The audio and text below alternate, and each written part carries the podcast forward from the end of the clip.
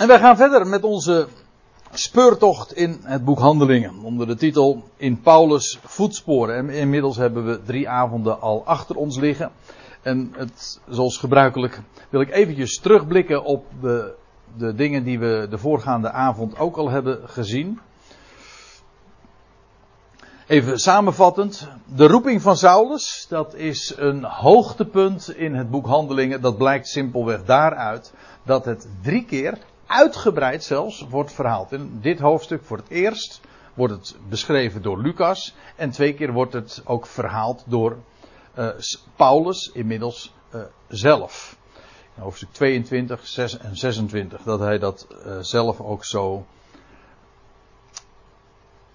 allemaal uit de doeken doet wat er toen is gebeurd op de weg naar Damascus. Het is het grote hoogtepunt, ook het grote keerpunt, uiteraard in het boek. Niet alleen in Saulus leven. We hebben gezien dat Saulus na zijn roeping dus uh, arriveert daar in Damascus, zoals bedoeld ook, uiteraard, maar inmiddels in een totaal andere staat dan dat hij had beoogd. En hij komt in de rechte straat. En dat is heel veelzeggend. Hij komt, hij wordt gezet op het rechte pad, in een recht spoor. Hij verblijft daarbij in het huis van Juda, of het huis van Judas, zo u wilt, maar dat is in de Bijbel gewoon exact dezelfde naam. En dat is uh, zoals zo vaak, heel vaak, een, een beschrijving van het Jodendom. Typologisch, dus in beeld, verwijst dat naar het feit dat Saulus, hier nog trouwens geen Paulus, let erop hè. Hij is hier nog Saulus, dat is zijn Hebreeuwse naam. Hij verblijft in het huis van Juda. Een type van het Jodendom. En dan is het Ananias. We hebben daar de vorige keer ook bij stilgestaan. Zijn naam in het Hebreeuws luidt Ganania. We komen dat ook dikwijls tegen in, nou ja, dikwijls is overdreven. Maar meerdere keren tegen ook in het Oude Testament. Een van de vrienden van Daniel heette ook Ganania. Ja. Beter bekend, geloof ik, als. Ja, wie moet dat dan geweest zijn? Ja, ja Sadrach, Mezach en Abednego. Een van hen. Maar in ieder geval, uh, die heette inderdaad ook Ganania. Maar volgens mij komen we hem ook nog tegen in het boek Esra. Maar wat vooral daarbij bijzonder is, Ganania betekent genadig is Yahweh. En is dat niet geweldig dat, dat Saulus na zijn roeping, op zich al een bewijs van overvloedige genade, dat hij direct ook in aanraking komt, letterlijk, want het is Ananias die naar hem toegestuurd wordt en hem ook de handen moet opleggen. Hij komt in aanraking met Ganania. Genadig is Yahweh. En die naam is zoveelzeggend omdat juist het genade van Yahweh is, die Saulus van Tarsus zou mogen gaan verkondigen onder de natie. En die Ganania wordt naar hem toegestuurd om hem de ogen te openen. Genadig is Yahweh. Juist als je die betekenis van die naam erin houdt en goed je realiseert, dan begrijp je ineens ook de link. Haha, het is dus Ganania die naar Saulus toe gaat. En het is Ganania, genadig is Yahweh, dat hem de ogen opent. Genade opent hem de ogen. En hij wordt uh, ervan overtuigd, die Ananias, die aanvankelijk helemaal niet zo happig was om daar naartoe te gaan, uiteraard. Zich maar al te goed realiserend wat, uh, welke reputatie die Saulus had. Want het was de vervolger bij uitstek van de Ecclesia. Ananias wordt overtuigd waartoe Saulus is uitverkoren. Dat wordt in een droom ook aan hem bekendgemaakt.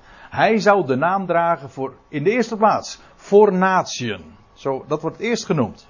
Dat is ook het meest primaire van, van de bediening van deze Saulus en later Paulus. Hij zou de naam dragen voor natieën, voor koningen en de zonen van Israël. En alle drie die aspecten komen we zo heel duidelijk ook naar voren in het boek Handelingen. En dan als laatste hebben we nog gezien, het was vers 16. waar we nog lezen, ik zal hem tonen, dat wordt dan tegen Ananias gezegd, ik zal hem, ik zal hem, Paulus of Saulus, tonen hoeveel hij moet lijden ter wille van mijn naam. Dat wil zeggen, Saulus wordt te kennen gegeven hoeveel hij moet lijden ten, uh, ten behoeve van de naam. En dan te bedenken dat juist hij het is die tot dusver degene was die het lijden ten behoeve van de naam veroorzaakte. Maar nu zou hij vanaf dit moment zou hij zelf moeten gaan lijden ten behoeve van de naam. Hij die de grote veroorzaker was van dat lijden ten behoeve van de naam. Dus ook in dat opzicht zie je weer dat e- zo'n enorm keerpunt. Dat lijden dat hij eerst veroorzaakte, dat zou hij nu zelf moeten ondergaan. En ditzelfde hoofdstuk al zie je dat al gedemonstreerd.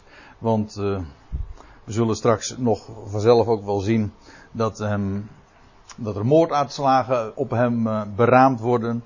In Damascus, in Jeruzalem. En zo is het zijn hele leven doorgegaan. Nou, en we waren gebleven dus in vers 16, dat was het, laat ik het anders zeggen, dat was het laatste vers wat we de vorige keer besproken hebben. Ananias wordt dus uh, gestuurd naar het huis van Judas, naar waar Saulus verbleef. En Ananias ging en hij kwam in dat huis, dus van Juda. En hij legde hem de handen op en zei, dat vind ik prachtig zoals dat dan klinkt, Saul, Shaul, dat is een Hebreeuwse naam, broeder, de Heere, de Heer heeft mij gezonden. Gezonden, hier staat het woord apostello. Apostello, en dat u, je ziet daar natuurlijk direct ook het woordje apostel in. apostello, dat is zenden, of nog meer specifieker, afvaardigen. Ganania was, wij is genadig, werd afgevaardigd naar Saulus in, in zekere zin is daarmee deze Ananias dus ook een apostel van Christus Jezus. Hij wordt naar hem afgevaardigd. Jezus, dan zie je ook meteen van wie die Heer is. De Heer heeft mij gezonden, namelijk Jezus. En Jezus is de Heer, dat is eigenlijk de kernbeleidenis waar het allemaal op aankomt. God die Jezus uit de doden heeft opgewekt en hem zo tot Heer gemaakt heeft. Tot Heer en Christus. Dat is, ik verwijs naar hoofdstuk 2 vers 36, maar daar is het Petrus die dat heel uh, als slotconclusie uh, aan, zijn, aan het huis van Israël adresseert en zegt van, dus moet het ganse huis van Israël zeker weten dat God hem, die Jezus, die jullie hebben gekruisigd, tot Heer en tot Christus gemaakt heeft. Nou, hier zie je dat ook weer en we zien dat voortdurend in het Nieuwe Testament. Dat is de beleidenis eigenlijk in een notendop. Jezus, die gekruisigd is door mensen, is door God gemaakt tot Curios, de eigenaar, de Heer van allen. Let op, de Heer van allen. Hij is de eigenaar en de redder van allen. En ik zeg redder, want Jezus, die naam betekent, Yahweh is redder. We hadden het net over Ganania, genadig is Yahweh, maar de naam Jezus, die Heer is, dat betekent, Yahweh is redder. Yahweh is redder en hij is door God gemaakt tot Heer. Wel, eh, de Heer heeft, zegt die Ananias dan tegen Saulus, de Heer heeft mij gezonden, Jezus, die u verschenen is op de weg waar langs gij gekomen zijt. Ook dat was uh, Saul, uh, deze Ananias dus ter oren gekomen. Dat wist hij, daarvan was hij op de hoogte. Opdat gij weer zoudt zien. Dat was de reden waarom hij bij hem langskwam. En, ja, let op, dat was dus inmiddels de derde dag. Dat, Jaco dat de Saulus zou gaan zien. Hij was nu drie dagen blind geweest en nu op deze derde dag werd hij door, ja, in het huis van Juda, werd hij door Yahweh is genadig de ogen geopend. En als ik het zo zeg, en op deze manier ook even onder de aandacht breng, dan zie je meteen ook hoe, hoe veelzeggend, hoe typologisch dat is. Het was op de derde dag, het huis van Juda. Door Yahweh is genade. Feitelijk zie je hier natuurlijk ook een prachtig type van wat er in de toekomst gaat gebeuren aan het huis van Juda. Dat ook op de derde dag, maar nou praat ik over dagen van, van duizenden jaren. Hè, na 2000 jaren de ogen geopend zullen worden. Door een genadig God. En doordat ze zicht zullen krijgen op Jezus, hun Messias. Dus het gebeuren is in dat opzicht ook zo typologisch en profetisch. Opdat gij weer zoudt zien. En met de Heilige Geest, of letterlijk van Heilige, niet de, maar van Heilige Geest vervuld zou worden. Dat is wat je in het uh, boek Handelingen natuurlijk nogal eens een keertje tegenkomt. Die uitdrukking vervuld worden van Gods Geest, van Heilige Geest. Ik zal ze op een rijtje zetten. Ik geloof niet dat ik compleet ben, maar ik wil in ieder geval een paar dingen daarover gezegd hebben. Om ook te laten zien wat dat betekent. Kijk, je kunt natuurlijk zeggen, Heilige Geest, dat is Geest van God. En die een mens in staat is te vervullen, vol te maken. Maar wat betekent dat dan? Ik bedoel, waaraan merk je dat? En, nou, daar hoeven we niet over te fantaseren. Dat het iets geweldigs is, dat, ja, dat lijkt me nogal duidelijk. Als het Gods geest is die een mens vervult. Een mens kan vol zijn van alles, maar als je vol bent van zijn heilige geest. Dat moet heel bijzonder zijn. En je leest in hoofdstuk 2, dat is de bekendste wellicht, dat, dat is namelijk op de, de Pinksterdag. En zij allen werden vervuld van heilige geest. En zij begonnen met andere tongen te spreken zoals de geest het hun gaf uit te spreken.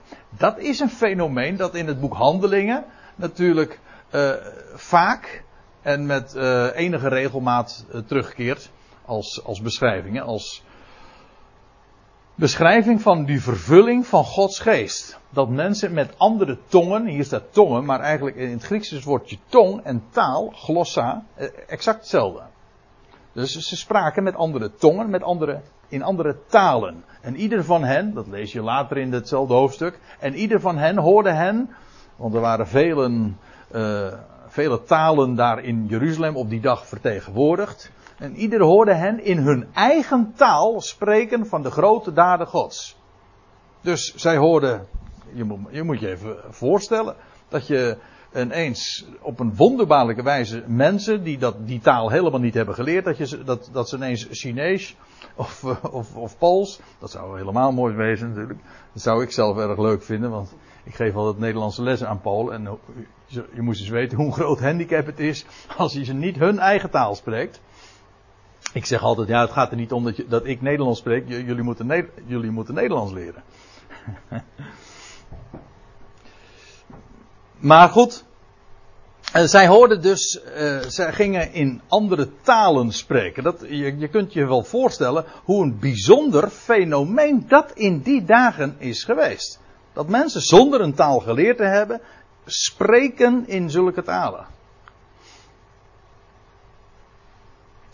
Dat er ook misbruik uh, toen in die dagen al van gemaakt werd, dat lees je in de brief van de Corinthiërs. Het was ook een tijdelijk fenomeen. Tongen zouden verstommen als eenmaal de volwassenheid zou aanbreken. Maar goed, dat is een heel ander onderwerp. Het gaat er nu even om, dit was uh, een begeleidend verschijnsel. Mensen werden vervuld van Heilige Geest en ze begonnen in andere talen te spreken. En hoofdstuk 4, vers 31, dus een paar hoofdstukken later in het boek Handelingen. En terwijl zij baden, werd de plaats waar zij vergaderd waren bewogen. Ik neem dat heel letterlijk.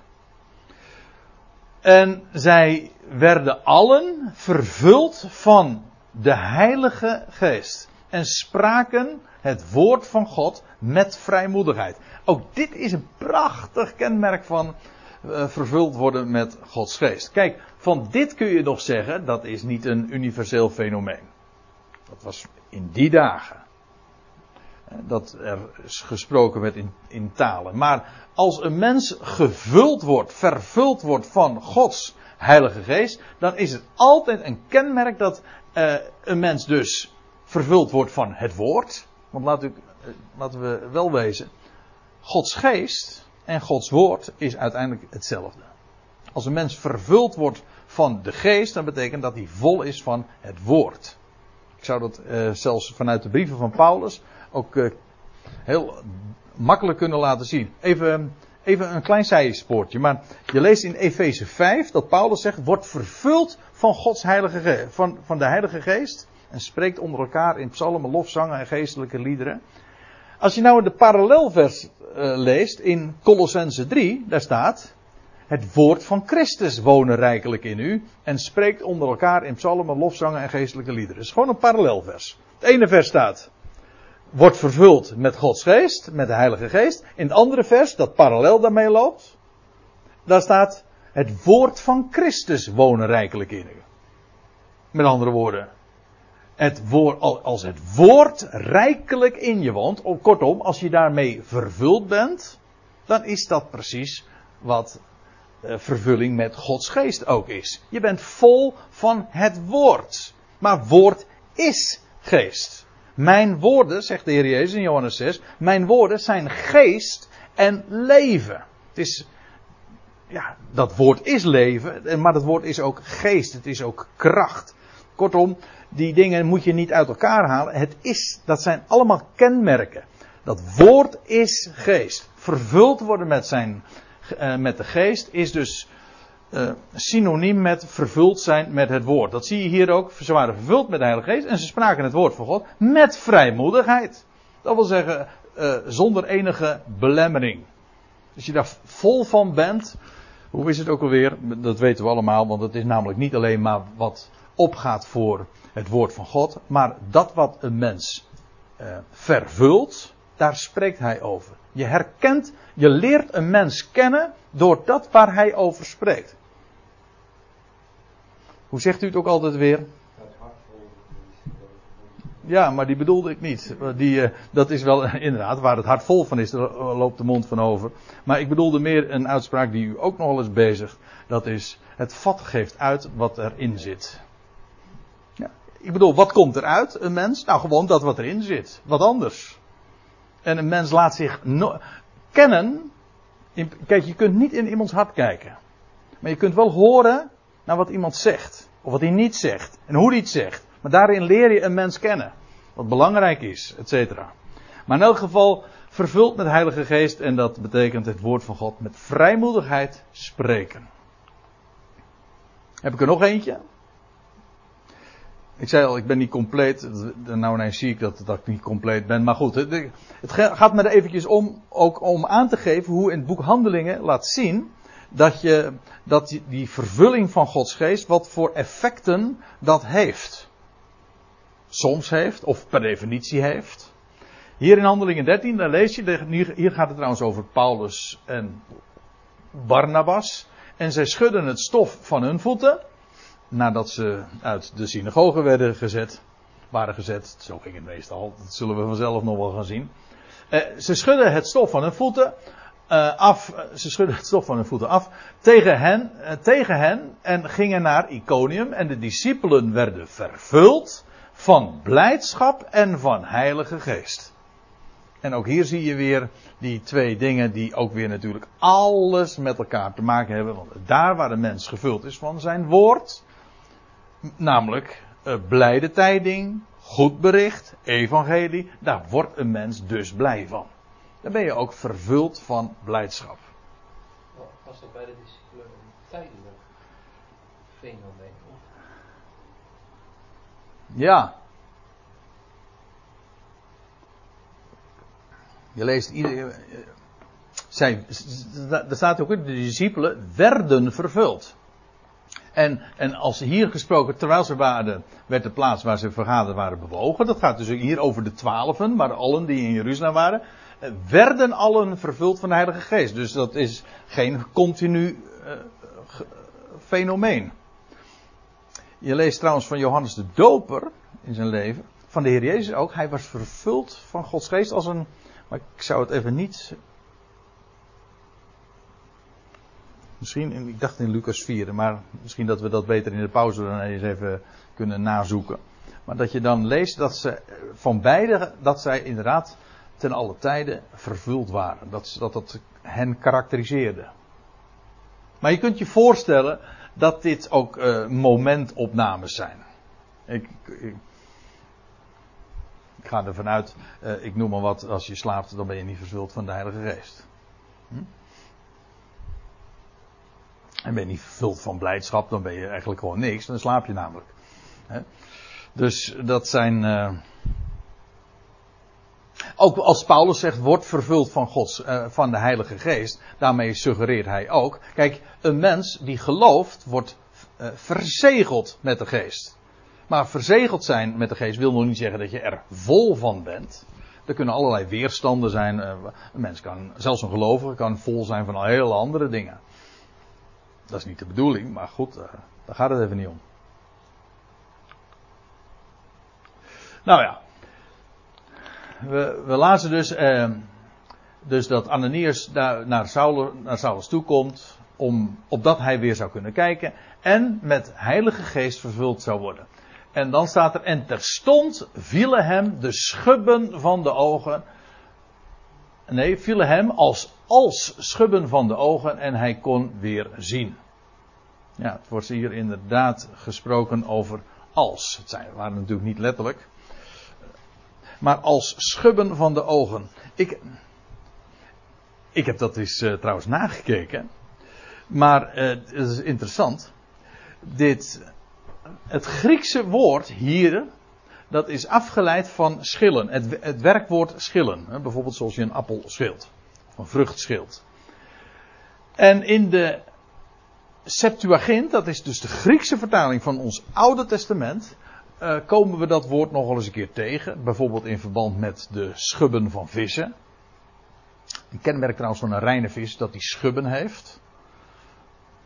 Maar uh, de eerste keer dat we het tegenkomen, dat is in Genesis 30, vers 37. En ik vond het opmerkelijk en ik wil u er gewoon even op attenderen. Juist omdat ik connectie zie tussen hier de schubben die van Paulus, van Saulus ogen vallen. En dat wat er gebeurde in die geschiedenis van Jacob.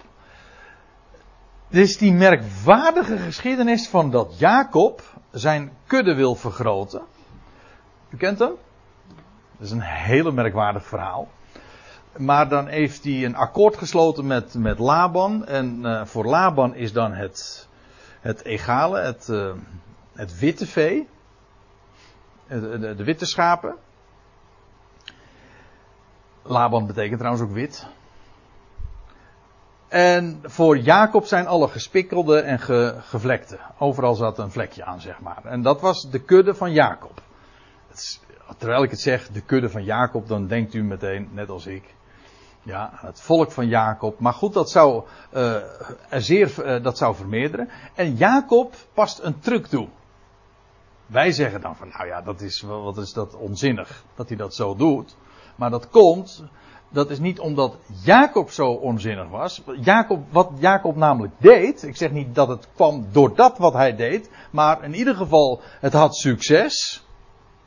En Jacob wist veel meer. Wij denken van Jacob was een beetje achterlijk doordat hij uh, meende dat door, door, door, door takjes te schillen. En dat dan in uh, de tijd dat die schapen bronstig waren in, de, in, die, in die voederbakken te leggen. Dat daardoor uh, die, die kudde van hem groter werd.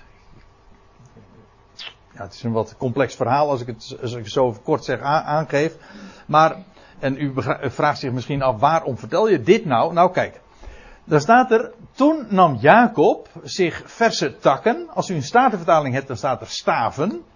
Staven, daarmee uh, denk je, het is meervoud van staf. Hè? Je hebt een staf. En je hebt één staf, twee staven. Niet staffen. En dat woord wordt gebruikt. Hetzelfde woord wat je leest bijvoorbeeld van Jacob in datzelfde hoofdstuk, als ik me niet vergis. Dat Jacob uh, leunend op zijn staf door de Jordaan ging. staf in de Bijbel is, heeft altijd te maken met opstanding. En met steun, met opstaan. En met opstanding en steunen daarop. Jacob ging door de Jordaan. Steunend op de staf. Nou ja, een staf heeft in ieder, is een embleem van opstanding. Hou het even vast en dan lees je. Toen nam Jacob zich verse staven. En van populieren, van amandelbomen. U weet wel, die bomen die het eerst in, uh, in het voorjaar gaan bloeien. Nieuw leven. En platanen. En hij schilde, dit is het woord. Waar ik, op, op, uh, waar ik het over heb. Dat we dus schubben. Hè? Dat is hetzelfde, afgeleid van hetzelfde woord. Uh, en hij nam zich verse staven van populieren en platanen en hij schilderde daarop witte strepen door het wit aan de takken te ontbloten. Dus wat Jacob deed, is die staven, die takken, besnijden. Dat is wat hij deed. De, om het nog wat anders te zeggen, en dat klinkt wat dubbelzinnig, en dat bedoel ik ook heel dubbelzinnig, de voorhuid van de staf werd ontbloot. Of de, van de staven. Waarom zeg ik dat nu? Dat schillen, dat is precies ook wat er gebeurt bij in het jaar in het leven van, van Saulus hier. De schubben, de schillen vallen van zijn ogen. De voorhuid van zijn ogen vindt u misschien vreemd, maar in de Bijbel is er sprake over de voorhuid. Goed, dat is fysiek, hè, van het mannelijk geslachtsdeel. Maar dat is een type. De, in, ook in het Oude Testament is al vaak sprake over de besnijdenis des harten. Het gaat uiteindelijk niet om de besnijdenis als een, als een zichtbaar, of in ieder geval als een fysiek uh, ritueel. Nee, het gaat om dat wat het uitbeeldt. En wat het uitbeeldt, dat is de besnijdenis van het hart. Dat de, dat de voorhuid van uw hart, de bedekking van het hart, wordt weggenomen. De Bijbel spreekt ook over besnijdenis des oren. Dat wil zeggen dat de voorhuid, de bedekking, die, zodat een mens niet in staat is, dat de oren bedekt zijn, dat de bedekking weggenomen wordt. Zo zijn de ogen ook bedekt. Als, ze, als ze gesloten zijn, zijn ze bedekt, hè? het ooglid. En als de, ogen besneden worden, dan vallen de schellen van je ogen en dan kun je zien zodat de beeldspraak op zich niet zo moeilijk is. Het gaat erom dat er een bedekking, de voorhuid, wordt weggenomen. Wel, dat gebeurde ook dus in het, jaar, in het leven van Jacob. En dat heeft alles te maken met inderdaad, de bedekking wordt weggenomen. En God gaat het voor, het, de kudde van Jacob zegenen. En ze krijgen nieuw leven. En daar heeft die tak en daar, hebben die staven dan weer alles mee te maken. Maar als het allemaal een beetje te veel is, dan, uh, dan stel ik voor om in ieder geval dit te onthouden. Namelijk dat hier sprake is in het leven van Saulus dat zijn ogen worden geopend. Oftewel zijn ogen, de, de schillen vallen van zijn ogen. Oftewel zijn ogen worden besneden. Dat is het idee. Zijn ogen worden geopend, de bedekking wordt weggenomen. Hij kan zien. Ja. En nou zit ik even af te vragen. Ja, en toen hij voedsel genomen had.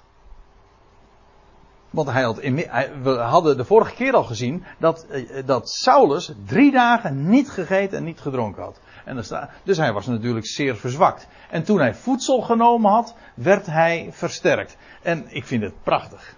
Typologisch. Ik zie trouwens eens dat ik iets vergeten ben. Ja, ik bedoel, ik ben dit vergeten, ja. Dit uh, vergeten mee te want ik zie. Uh, ik zal dat uh, bij het, als ik het op de website zet, nog eventjes corrigeren. Maar er staat nog één, één regel die hier nog staat, die heb ik nog niet besproken. Want er staat, hij kon weer zien en hij stond op. En hij werd gedoopt. Lees je later ook dat Saulus daaraan refereert. Hij werd gedoopt. In het huis daar dus van Juda. Want de doop is ook echt een Joods fenomeen. Daar hebben we het de vorige keer nog over gehad, is het niet? de waterdoop. Nou, Saulus, hier nog niet Paulus, Saulus werd gedoopt. En het was een afwassing, een rituele reiniging. Maar e- eerst nog, hij stond op, hij kon weer zien. Uh, nou, laten we het eventjes dan zo lezen. Hij werd aangesproken door Ganania, genadig is Yahweh. Zijn ogen werden geopend, besneden. Hij staat op, maar ik bedoel dat niet alleen letterlijk, natuurlijk dat was hier letterlijk, hij stond op, maar ik bedoel het geestelijk. Hij stond op in nieuw leven. En hij werd gedoopt, wat uiteindelijk ook de doop in water is slechts een beeld van de echte doop. Johannes doopte u met water, maar gij zult gedoopt worden met Heilige Geest. Nee, nee, wacht even, ik zeg het verkeerd. Eh, Johannes doopte in water, maar, uh, maar hij die na u komt, zo was het ja. Ik doop u met water, dat is zoals Johannes het zegt. Ik doop u met water, zegt Johannes. Maar hij die na mij komt, zal u dopen in geest. Met of met heilige geest. Met andere woorden, die doop in water is slechts een voorafschaduwing van de echte doop. De christelijke doop is niet de waterdoop, dat is een joods fenomeen. Ik zeg dat helemaal niet laatdunkend of zo, maar dat is een joods gebeuren. Dat is heel fundamenteel bij de Hebreeën, maar de doop van Christus, dus een doop in geest. Daar komt geen druppel water bij te pas. Wel, uh, hij wordt aangesproken door Yahweh die genadig is, zijn ogen worden geopend, hij staat op, hij wordt gedoopt en hij werd versterkt door voedsel. En dat is, in vijf punten worden hier aange, aangesneden, hier, vijf punten worden hier genoemd als uh, de dingen die plaatsvinden uh, of de dingen die gebeuren met, met Saulus. Vijf dingen.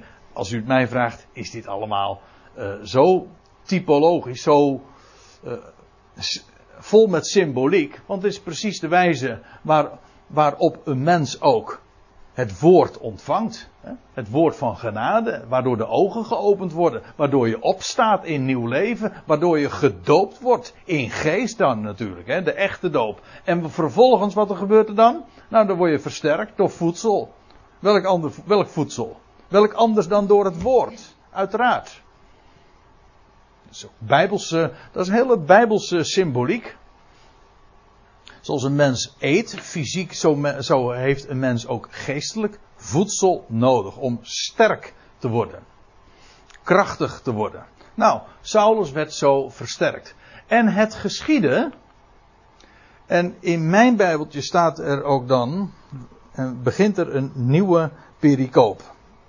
In de NBG-vertaling. Ik weet eigenlijk niet hoe dat in de Statenvertaling is. Ook. De. Ook. In vers 23. Of vers 19. Ja.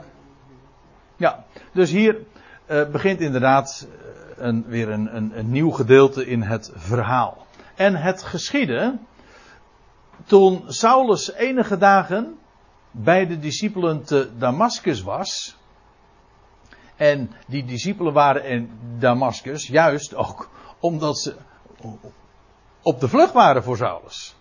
Die, die, we hadden, de vorige keer heb ik geloof ik even op dat vers gewezen, maar er staat in hoofdstuk 11 vers 19 dat die enorme, die enorme gemeenschap, die uh, vanwege de verdrukking na aanleiding van die, de steniging van Stefanus, waar vond er een verdrukking plaats, een vervolging in Jeruzalem, zodat velen genoodzaakt waren om juist weg te trekken en te vluchten naar noordelijker uh, naar noordelijke streken en ze kwamen onder andere ook in Damascus terecht. Nou, zo, en nu ging Saulus vervolgens ook zich buitenlands richten. En wel, Saulus, hij voelt zich nu bij de discipelen te Damascus. Uitgerekend degene wellicht ook die juist voor hem op de vlucht waren. Nou, en toen Saulus enige dagen bij de discipelen te Damascus was, toen geschiedde het dat hij terstond, je moet je voorstellen. Een man die net, een man die net geroepen is. Wat een enorme omkeer heeft er in zijn leven plaatsgevonden. Maar terstond, lees je, gewoon, ik neem het gewoon zoals het staat, de volgende Sabbat, dat hij in de synagoge verkondigde dat Jezus de Zoon van God is. Dus Saulus is geroepen. Hij is een paar dagen is hij helemaal het pad kwijt. Nou ja, hij was wel in de rechte straat natuurlijk. Maar hij was blind. Vervolgens worden zijn ogen geopend. Hij wordt gedoopt, et cetera. En terstond gaat hij de synagoge in. Om te verkondigen. In de synagogen. Want u moet zich realiseren, Damascus was een, ja, zo'n grote plaats. Ja, dat is een hele goeie. dat. Nou, dat kan dus niet. Want ja, want er staat dat hij, dus dat hij minuten opvatten. Hoe bedoel je? Toen hij daar was, toen ging hij gelijk daar naartoe. Zo kan toen En dat- terug was uit Arabië. En terstond ging hij naar de. En toen hij voedsel genomen had, werd hij versterkt. En het geschiedde, jij, wat jij je nu voorstelt, is dat je zegt van, en, en het geschiedde drie jaar later, of, of in ieder geval na zijn verblijf in Damascus, eh, pardon, in Arabië, dat toen Saulus enige dagen bij de discipelen te Damascus was, wanneer zou die anders zijn gegaan? eh, ja, ergens in zijn verblijf in Damascus. We lezen, nou, ik, ik, ik heb er nog diaatjes van, maar omdat het nu zo ter sprake komt, is misschien wel even handig om naar, eh naar Galaten 1 toe te gaan. Ja. Galaten 1. En daar lees je dus. Nou, weet je wat, ik zoek het even op hier ook. Ja, even kijken hoor. Galaten 1, vers. Ja. Opdat ik hem onder de natie verkondigen zou, ben ik geen ogenblik te raden gegaan met vlees en bloed. Ook ben ik niet naar Jeruzalem gegaan tot hen die reeds voor mij apostelen waren, maar ik ben naar Arabië vertrokken. En vandaar naar Damascus teruggekeerd. En dan zou het idee wat jij nu zegt is dus dat hij. Hij werd versterkt en, vervo- en vervolgens is hij naar Arabië gegaan. En toen, vervolgens, is hij teruggegaan. Toen hij daar was, is hij gelijk naar de synagoge. Dat kan ook, dat kan ook nog. Ik, dit scenario heb ik nog niet aan gedacht. En, maar zoals je het nu zegt, is het eigenlijk heel plausibel zelfs.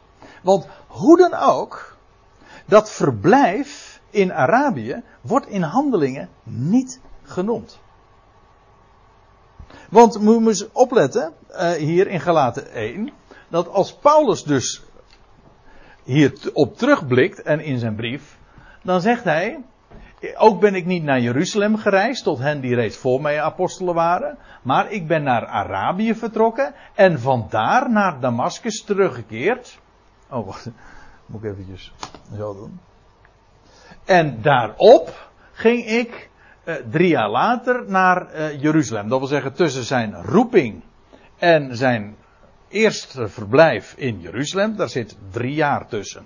En in die tijd is hij dus in Arabië, hoe dan ook geweest. Hoe lang dan ook, dat weten we ook niet. Maar in ieder geval, vanaf zijn roeping tot dat hij inderdaad in Jeruzalem komt, daar zit een tijdsverloop, zegt hij zelf, van drie jaar. En dat verblijf in Arabië, dat wordt in Handelingen 9 niet genoemd. Lucas spreekt er niet over. Dat is heel eigenaardig. Ja, waarom niet? Waarom zou Lucas daar nou niet over gesproken hebben? Nou is het altijd lastig om te verklaren waarom iets er niet staat. Ik bedoel, je kunt eh, vertellen waarom iets er wel staat. Maar ja, het, het, het lijkt wat. Het lijkt wat. eh, misschien ver gezocht om, om een verklaring te gaan zoeken van waarom het er niet staat. Maar toch heb ik eh, wel een, een eh, idee daarover. Kijk, het boek Handelingen gaat over hoe het de boodschap van het koninkrijk door Israël verworpen wordt. En vervolgens hoe eh, via Paulus het naar de natie gaat. Maar het gaat allemaal om dat koninkrijk. Herstelt gij in deze tijd het koninkrijk voor Israël? Dat is de grote vraag in het boek Handelingen. in Paulus' bediening en dat hem de verborgenheid is geopenbaard, dat, dat speelt in zijn brief een grote rol. Maar dat is niet het onderwerp van het boek Handelingen.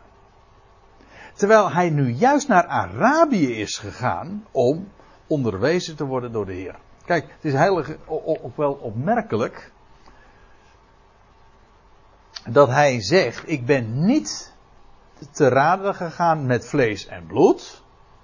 Kijk, wat had er nou meer voor de hand gelegen nu Saulus geroepen was om meteen linea recta naar Jeruzalem te gaan en zich te vervoegen bij de apostel en zeggen van nou, ik ben nu ook een apostel. Nee, helemaal niet. Zijn bediening was een heel andere. Hij is geroepen niet door, door mensen, hij is geroepen door Christus Jezus zelf. En niet alleen geroepen, maar ook onderwezen. Want de Heer had tegen hem gezegd, meteen al bij zijn roeping, we hebben het al een keertje eerder overwogen, ik zal ook aan jou gaan verschijnen. Dus hij is naar Arabië toegegaan. Ja, waarom Arabië? Nou, dat is uh, nog weer een uh, verhaal apart. Weet u wat er in Arabië was? De berg Sinai, ja, in Galaten 4. Het, het is de grap. Het, het, woord Arabië komt twee keer voor in, de, in het Nieuwe Testament. En twee keer in de Galatenbrief. Galaten 1 zegt Paulus, ik ben naar Arabië gegaan. En een paar hoofdstukken later zegt, spreekt hij over de berg Sinaï in Arabië. Dus waar de Heer ooit zich openbaarde aan Mozes. Zoals de Heer zich ooit openbaarde aan Mozes in Arabië, zo heeft later de Heer zich geopenbaard aan Saulus. En hem ook heel veel dingen verteld. En dus je ziet daarmee ook heel duidelijk de parallel tussen Mozes, aan wie God zoveel heeft bekendgemaakt ten behoeve van het volk Israël, en vervolgens later, duizend, of ja, nou in ieder geval anderhalf duizend jaar later, aan Saulus, ook in Arabië. Maar dat zou zomaar eens kunnen, wat jij nu zegt. Eén ding is in elk geval zeker, de Heer heeft zich geopenbaard aan Saulus in Arabië. En dat, wat Paulus zelf in zijn brieven verhaalt, dat wordt niet vermeld in het boek Handelingen. We komen er later nog even over op terug, uh, naar aanleiding van vers 23. En het geschiedde toen Saulus enige dagen bij de, de discipelen te Damascus, dat hij terstond, gewoon de, de volgende eh, sabbat, meteen dan in de synagoge. U moet zich realiseren, Damascus was een, uh, een ja, nog steeds, het is de hoofdstad van Syrië. En uh, er was een hele grote Joodse gemeenschap, vandaar ook dat er sprake is van synagogen. En daar verkondigde Saulus uh, proclameren, openlijk bekendmaken dat Jezus de Zoon van God is. En als je dat zo zegt, of als dat er zo staat, hij, hij maakte openlijk bekend in de synagoge dat Jezus de Zoon van God is, dan is daarmee aangegeven dat Jezus dus de beloofde Messias is. De Messias namelijk van Psalm 2.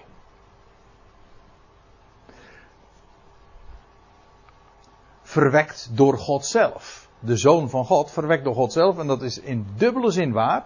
Want hij is in de eerste plaats geboren uit Maria. Zonder tussenkomst van een menselijke, menselijke vader.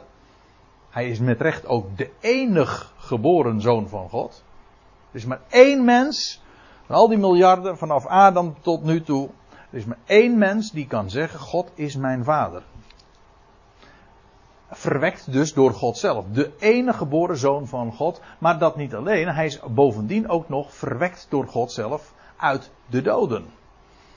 Ik heb hier de verwijzing naar Handelingen 13 staan. En dan zie je inderdaad dat dat hem ook tot zoon van God maakt. Hij is dus in dubbele zin verwekt door God. Ooit eerst uit Maria. jaren later, na zijn kruisiging, is hij door God verwekt uit de doden. En daarom is hij met recht de zoon van God. Weet u waar die uitdrukking aan ontleend is? Ja, ik, ik zei het zojuist al. Uh, psalm 2. Maar het is, het is de psalm bij uitstek. Die in het Nieuwe Testament een hele grote rol speelt. Ook als het gaat om de identiteit van de Messias. Wie zou de Messias zijn? Het is een psalm van David, weten we. En dan, dat begint dan met vers 1. Waarom woelen de volkeren en zinnen de natie op ijdelheid? Dit gaat trouwens over de eindtijd. Wat er zal gebeuren in de toekomst als de volkeren zullen, zich zullen verzamelen tegen Jeruzalem. En dan staat er, de koningen der aarde scharen zich in slagorde en de machthebbers die spannen samen tegen de Here en zijn gezalfde. Ziet u dat die volkeren dus inderdaad zich uh, bij elkaar komen en ze spannen samen. Ze, de Verenigde Naties dus. Ze komen, ze komen bij elkaar om zich te keren tegen de Heer en zijn gezalfde. Maar laat ik u dit zeggen, als hier staat gezalfde, dan staat er in het Hebreeuws het woord Mashiach. De Messias. In het Grieks de Christus tegen de Heere, tegen Yahweh en zijn Mashiach. Nou, en dan lees je, ik sla een paar versen over, en dan staat er in vers 4 dat uh, God daar allerminst van onder de indruk is. Die in de hemel zetelt, die lacht. Hij heeft, dat is voor hem humor. Dat de mensheid, al die, die machtige volkeren die zich heel veel verbeelden, uh, dat zij dan samenspannen tegen, tegen hem. Het is gewoon humor voor hem. Dat is gewoon lachwekkend. Ik vind dat een schitterende uh, ja, vaststelling in het boek in, in, in de psalmen. Dan zeggen dat God geen gevoel voor humor heeft. Ja, alleen het is niet onze humor. in ieder geval, het, het, dit, dit is echt gein. Dat de, dat de mensheid die zo over zichzelf denkt, zeker als, als dan de alle krachten worden gebundeld en dat er dat, dat de intelligentia zich verenigen en zulke dingen bedenken. Wel, de Heer heeft een grote schikkel. Het is gewoon belachelijk. Wat de mens zich verbeeldt. Die in de hemel die lacht. De Heer spot met hen. En dan zegt hij, ik sla weer even een paar versen over, of vers 5 over. Hoezo? Waarom lacht de Heer om? Hij zegt, ik heb immers mijn koning, gesteld over Zion, mijn, mijn heilige berg. Wat verbeelden de mensen zich wel? Of wat verbeeldt de hele volkerenwereld zich? God heeft een besluit genomen. Hij heeft zijn koning gesteld. Je ziet dus dat die gezalfde, de Messias, is inderdaad zijn koning. De koning uit het huis van David. En die is gesteld over Sion, de heilige berg. Mijn heilige berg. En dan komt het, vers 7. Ik wil gewagen, en hier is inmiddels de Messias zelf aan het woord. Ik wil gewagen van het besluit van Yahweh. Hij, hij, sprak tot mij. Mijn zoon zijt gij, ik heb u heden verwekt. Let op. Dit is een Messiaanse psalm, psalm van David. Hij kijkt hij profeteert over wat er in de toekomst zou gebeuren als de volkerenwereld zou samenspannen tegen de Messias en zou, zich zou keren tot tegen Jeruzalem, tegen Zion. En dan zegt en dan is de, de Messias die zelf het woord neemt en zegt van, God zelf heeft tegen mij gezegd, mijn zoon ben jij, ik heb je heden verwekt. Dat heden slaat trouwens op de dag van de opstanding. Hij was al de zoon, maar op de, de dag van de opstanding is hij verwekt door God. Wederom verwekt. Wedergeboren, zo u wilt.